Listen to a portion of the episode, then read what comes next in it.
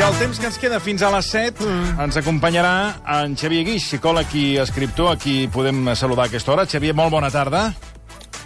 Molt bona tarda. De la Guard. Hola. De la Guard. Bona tarda, Xavier. Bona tarda. Avui amb el Xavier parlarem de la concentració que, segons un metge, el doctor Marco, Marc Rego, psiquiatre de l'Escola de Medicina de la Universitat de Yale, mm. diu que és eh, la base de l'èxit. Okay. El doctor Rego acaba de publicar un llibre que ha titulat precisament Frontal Fatigue, és a dir, fatiga frontal, en català, on explica per què ens sentim esgotats infeliços o cansats contínuament. I en aquest treball, una de les afirmacions que fa i que ens ha cridat l'atenció és que avui dia la gent que té èxit és la que és capaç de concentrar-se eh, més... Eh, és, eh, o sigui, té més pes la concentració que no que sigui, eh, per exemple, intel·ligent o no intel·ligent. I la primera qüestió que li trasllado al Xavier, bueno, fins a quin punt la concentració eh, és la base de l'èxit. bueno, a mi no m'agrada massa la forma en què ho planteja, eh? Clar, per Perquè això, jo eh... no veig pas aquí el tema de l'èxit i la concentració. En canvi, crec que tot canviaria radicalment si en lloc de fer servir la paraula concentració, féssim servir la paraula atenció. Bona Perquè, aquesta, bona. que... Claro, les persones eh, d'ençà de bon matí que ens llevem tenim a disposició gran quantitat d'atenció, que vol dir, podem posar l'atenció en el que desitgem, en el que vulguem. És a dir, només ho hem de decidir. El problema quin és? Que només ens acabem de llevar, que ens comencen a venir al cap idees de coses que estem pensant i les coses que haurem de fer. I ens comencen a venir els neguits del dia. I comencem a posar l'atenció en les coses que ens preocupen.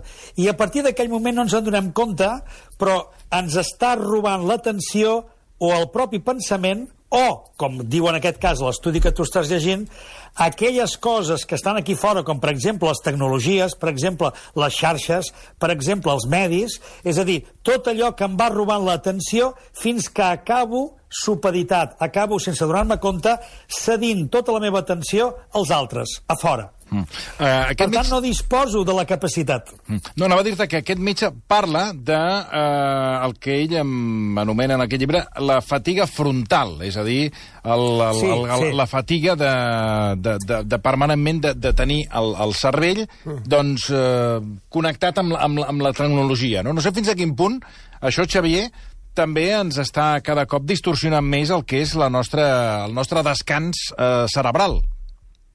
Sí, mo, bueno, molt. Això, això ja ho sabem, això no és nou. Algun cop aquí al programa jo t'he sí. recorda que t'he parlat del tema del rendiment, de dir, escolta, ens passem el dia rendint, i com que hem incorporat en aquest rendiment les tecnologies i estem tot el dia enganxats i amorrats a un, un ordinador, doncs aquest ordinador no para d'enviar-nos missatges. Ens arriben mails, ens arriben contactes, ens arriben coses que per veure a l'Instagram, ens arriben YouTubes, ens arriben vídeos, ens arriben... No, no paren d'arribar-nos coses. Per tant, estem sobreestimulats Aleshores, una societat sobreestimulada no té prou cervell per intentar veure-ho tot i resoldre-ho tot i, a més a més, disposar de tota la concentració per fer les coses bé. I llavors aquí és on aquest estudi ens parla d'una cosa que, que, en fi, és allò de posar-hi etiquetes, però en aquest cas està ben trobada, que és la fatiga que produeix en el nostre, l'escorça frontal, que és, perquè ens entenguem entre nosaltres, el director general de la nostra vida. Per tant, el que planifica, pensa, rumia i controla les situacions de la vida és l'escorça frontal.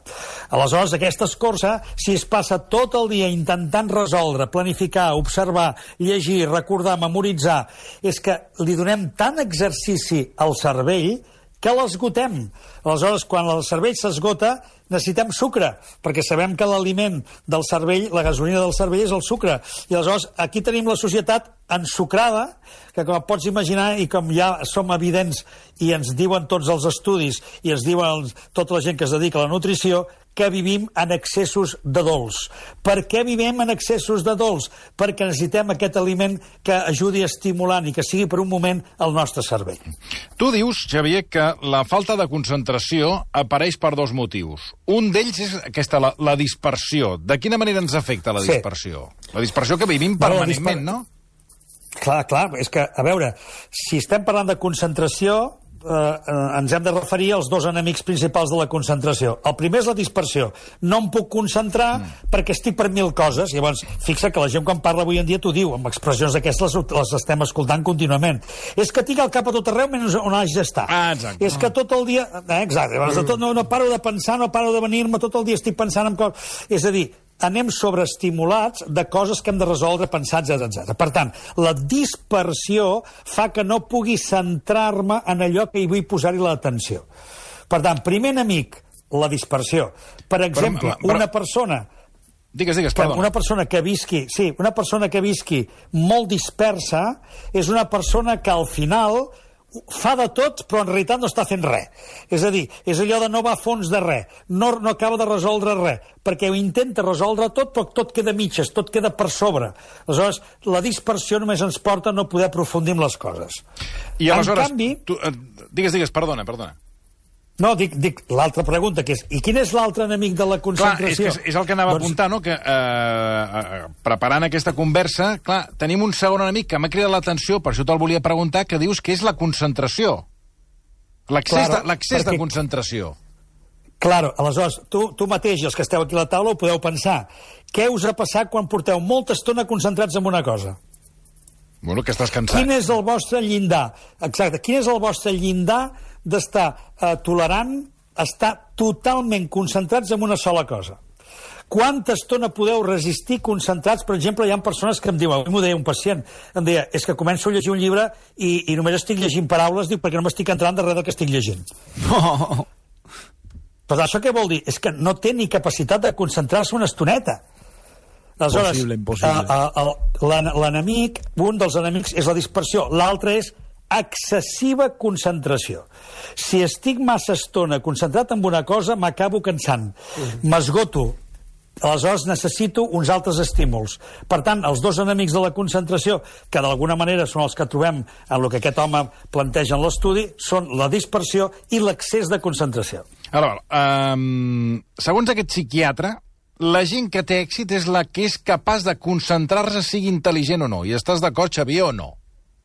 Uh, la paraula concentració, no. Jo estic d'acord amb la paraula atenció, que vol dir, si jo disposo d'una capacitat de posar l'atenció amb el que jo decideixi i la tinc disponible, estaré amb disponibilitat de fer-la servir amb el que a mi em convingui. I, per tant, amb això tinc a disposició molt potencial perquè puc decidir en cada moment amb què vull posar l'atenció. Quin és el problema, Toni? El problema és que, senzillament, l'atenció ens està robant contínuament lo de fora. Els pensaments, eh, les coses que estan passant, els missatges que estic rebent, per tant, la dispersió. Aleshores, aquest home, quan diu concentració, hem d'entendre capacitat d'atenció. Mm. Perquè si jo disposo de tota l'atenció, no la tinc fixada en res. Però una persona que posem-hi posem colors, eh? Mm. posem-hi colors que sí. ens entendrem fàcilment. Si una persona es lleva pensant en groc, mm i, i surt al carrer i comença a veure groc per tot arreu, el groc li està robant l'atenció de poder veure tots els colors de l'arc iris. Mm. Aleshores, imagina't que una de dues, o bé estàs només veient groc, o bé estàs veient tots els colors del món. Si estàs veient tots els colors del món, no en veuràs cap en concret. Si estàs veient un sol color, no podràs veure res més. Aleshores, aquest home, a l'estudi, quan et parla de la concentració, es refereix a això. Si tu ets capaç de dirigir la teva concentració, que jo li dic atenció, cap allò que tu decideixes i fins allà on tu decideixes i ets capaç de, de gestionar-la segons tu i que no te la roben les coses de fora, seràs una persona més exitosa perquè podràs centrar-te en allò que tu decideixes que és important. I ara, ara, ara vaig a la pregunta... Ai, ara, ai, ara. Bueno, la pregunta de com ho resols, és a dir, si et falta atenció, falta concentració per tots aquests elements que sí, diu el Xavier, sí, sí, que tens al voltant... Dispersen, sí. Dispersen el mòbil, la trucada, l'ambulància... La, la, sí. Això com, sí. com, hi pots, com ho pots... Sí, com pots eh, recuperar l'atenció? Com pots potenciar l'atenció? Home, és evident de que has de prescindir, és a dir, has de ser conscient en seguida de que t'està robant l'atenció. Aleshores, sí, ho has de, ho has de saber. Has, la... has de saber... Home, que... t'has de donar compte t'has de donar compte de dir, en aquest moment estic dedicant massa temps a una cosa que ni em va, ni em ve, ni segurament m'importa massa. Però, clar, estic aquí enganxat perquè, mira, m'està distraient, m'està fent perdre el temps i aleshores no me'n dono compte que m'està robant tota l'atenció. Una persona que al cap del dia li han robat tota l'atenció és que és impossible que tingui cap èxit, és impossible que aprofundeixi en res, és impossible que pugui fer bé una bona feina. I jo crec que l'estudi aquest que tu estàs presentant justament va en aquesta direcció. És molt, molt fort el que dius, eh? Vull dir, el, el que dius d'una no, no, persona que, que permanentment que està així? dispersa és impossible que tingui... O sigui, que, que, que, Però és el que passa avui dia. Que, que, bueno, això, això, Xavier, estem en una pandèmia, ara que parlem de tantes pandèmies, la pandèmia, no, sí, la pandèmia sí. de la dispersió, perquè sí que costa que la gent sí, et pari atenció perquè estan més pendents del mòbil mm. i de mirar altres coses que de la, de la conversa que tu estàs fent amb ells. Doncs pues imagina't, aleshores, la qualitat, la qualitat del teu pensament, la qualitat del teu treball, la qualitat de les teves relacions, depèn del nivell d'atenció que siguis capaç de disposar. Si resulta que tu estàs amb algú i només estàs pendent del mòbil, i només que t'arriben missatges, i anar mirant i agafant el mòbil contínuament, estàs tenint una mala, una mala qualitat de, de relació amb aquella persona. Per tant, ara això amplio a tots. Només hi ha una condició, Toni, una, en la que la dispersió, en aquest cas, el pensament així una mica vago, aquest pensament una mica confús, té sentit. Només hi ha una situació que, a més a més, avui en dia s'està estudiant, i això no ho recull aquest informe, però ja t'ho avanço jo.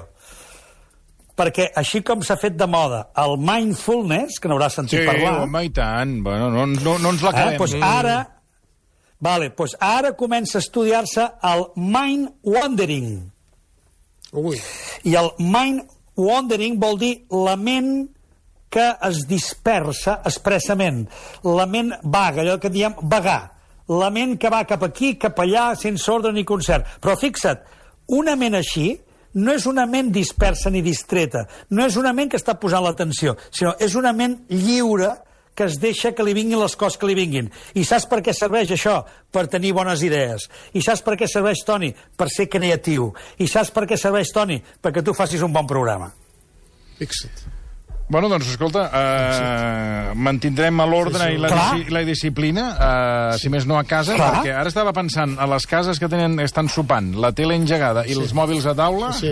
la comunicació i la concentració... No, ja és un... deus, si bueno, preguntes ja... què esteu sopant, no, no ho deuen saben, saber. No saben, no saben, no saben el que mengen. No, no saben, però Aleshores, quina qualitat de, de menjar estan tenint i quina qualitat alimentària estan consumint? És a dir, que fixa't com tot això ens porta més o menys a aquest reconec que es diu hem de ser capaços de prescindir de tot allò que no sigui important i que ens robi l'atenció. Xavier Guix, moltíssimes, moltíssimes gràcies. Una abraçada molt forta. Gràcies a vosaltres. Gràcies, bona tarda. Moltes gràcies. Ens quedem això, ens quedem amb l'atenció, mm. eh, de recuperar l'atenció i de prescindir... No. Sí, sí, amb aquest Ui. riure poc, poc que recuperarem. Nosaltres tornem demà. Serà, doncs, a partir de les 3 que ens retrobem. Adéu-siau, bona tarda. Dicho?